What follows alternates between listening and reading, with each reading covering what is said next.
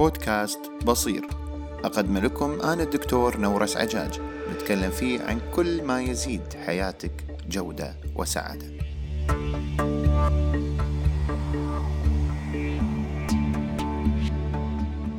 في صباح يوم من أيام عطلة نهاية الأسبوع ناديت ولدي سامي عشان يشوف الحمامة اللي برا. كان عمره أربع سنوات إلا ولكن بمجرد اقترابه من الدريشة أو شباك الغرفة طارت الحمامة. سألته وين راحت الحمامة؟ قال لي راحت بيتها.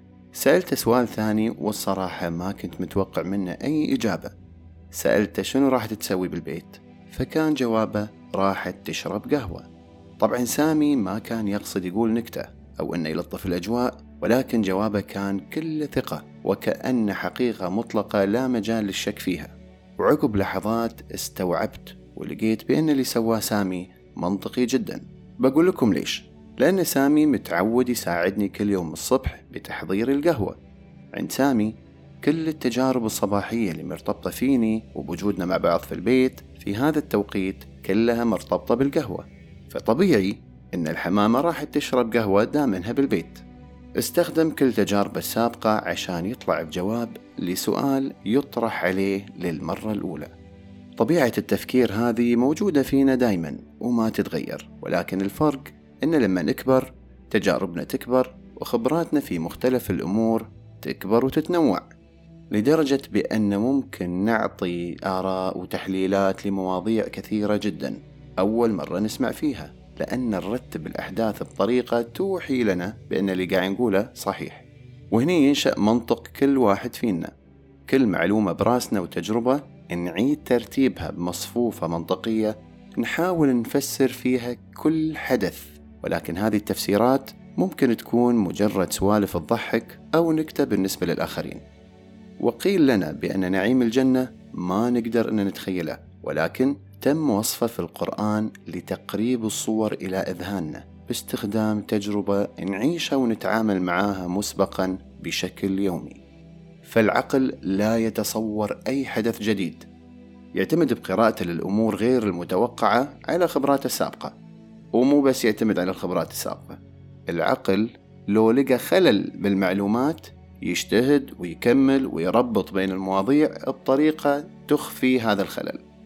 ومثال على هذا الكلام مخك لما يفسر شيء أو يحاول الإجابة على تساؤل يرتب الأحداث كلوحة ولما يلقى فراغات في اللوحة ما يقول لك بأن في فراغ. كل اللي يسويه بأنه يكمل رسم هذا الفراغ باعتماده على المنطقة المحيطة فيقوم بمحاكاتها عشان تكون القطعة الناقصة هذه منسجمة مع بقية اللوحة وبقية الألوان. ولو بنتكلم بالأرقام فرأيك اللي متأكد منه سبعة وتسعين بالمية مخك يكمل الثلاثة بالمية الباقية اعتمادا على السبعة وتسعين وما يحسب حساب الحدث المفاجئ أو البجعة السوداء. اللي ممكن تكون في هذه الثلاثة بالمية وأكيد بتسأل شنو هذه البجعة السوداء. مصطلح البجعة السوداء مصطلح يستخدم ككناية عن الأحداث البسيطة أو الأحداث اللي ممكن تغير المعادلة كلها. فممكن التسعة وتسعين اللي أنت متأكد منها تتغير بسبب المعلومات الموجودة في الواحد بالمية المتبقية. والمصطلح ما له علاقة بالسلبية أو الإيجابية ولكنه يخص البجع الأسود والأبيض.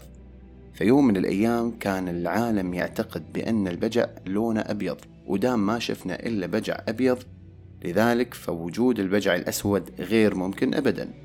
وكانت الناس تتعامل مع هذا الشيء كحقيقة وتم هذا الشيء لسنوات إلى أن تم اكتشاف أو رؤية بجعة سوداء في أستراليا الغربية. وبمجرد ظهور أول بجعة سوداء تم نسف كل الحقيقة التي تقول بأن البجع لونه أبيض بس بالرغم من أن أعداد البجع الأبيض تفوق أعداد البجع الأسود.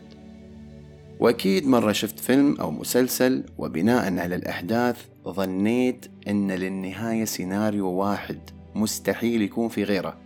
وفجأة يفاجئك المخرج بلقطة أو حدث لم يتم عرضه بأول الفيلم.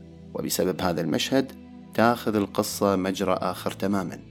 سوء ظنك اللي جدا متأكد منه ممكن يتغير بلحظة.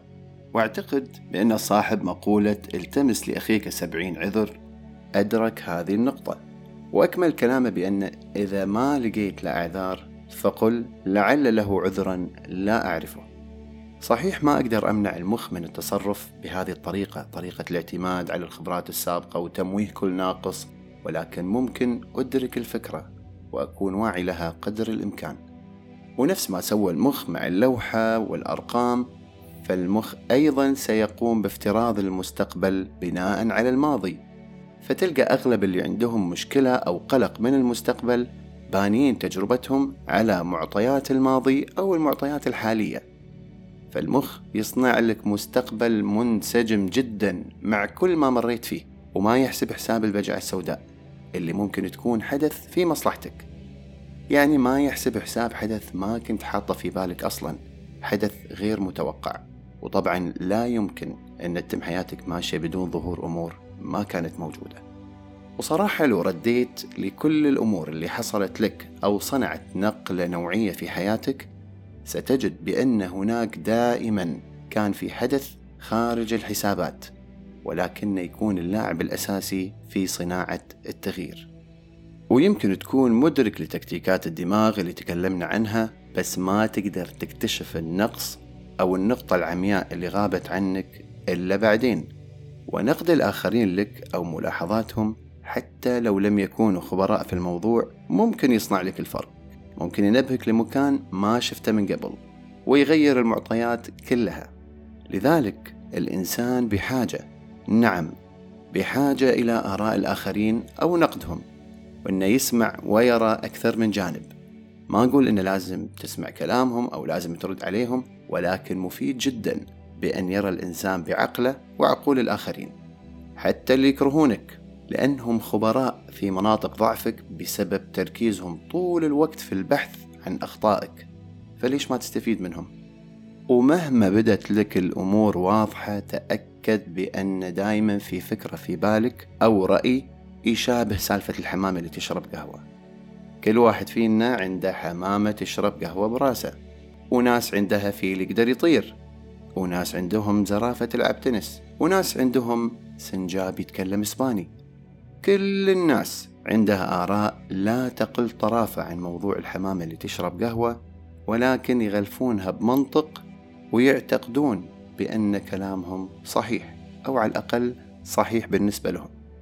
وعيك لنقطة أن نظرة العقل الأولى دائما تكون بنظارات قديمة يساعدك تصنع عقلية مرنة قابلة للتطوير والتطور. عقليات تدرك بأن لازم نخلي مساحة للجديد اللا متوقع العقلية هذه تخلي الباحثين والعلماء والمتأملين يشوفون ويكتشفون الأفكار الجديدة أو على الأقل اللي ما كانت ظاهرة لهم من قبل. جرب تقعد مع نفسك وتذكر موقف مر عليك الفترة الماضية. قلت فيه رأي وكان عندك قناعة تجاهه لا يمكن أن تتزعزع. وفجأة اكتشفت بأن اللي كنت تقوله أو تسويه شيء مضحك جدا وما تدري من وين جبت كل هذه الثقة عشان تكون أشد المؤمنين فيه. بس بالصج هو موضوع كان واضح وضوح الشمس بس أنت اللي مو شايفه. وتخيل أن حاليا وهذا الخيال أقرب إلى الحقيقة في موضوع مشابه له في حياتك إلا أنك للحين ما اكتشفته. وصدق الله حين قال وفوق كل ذي علم عليم.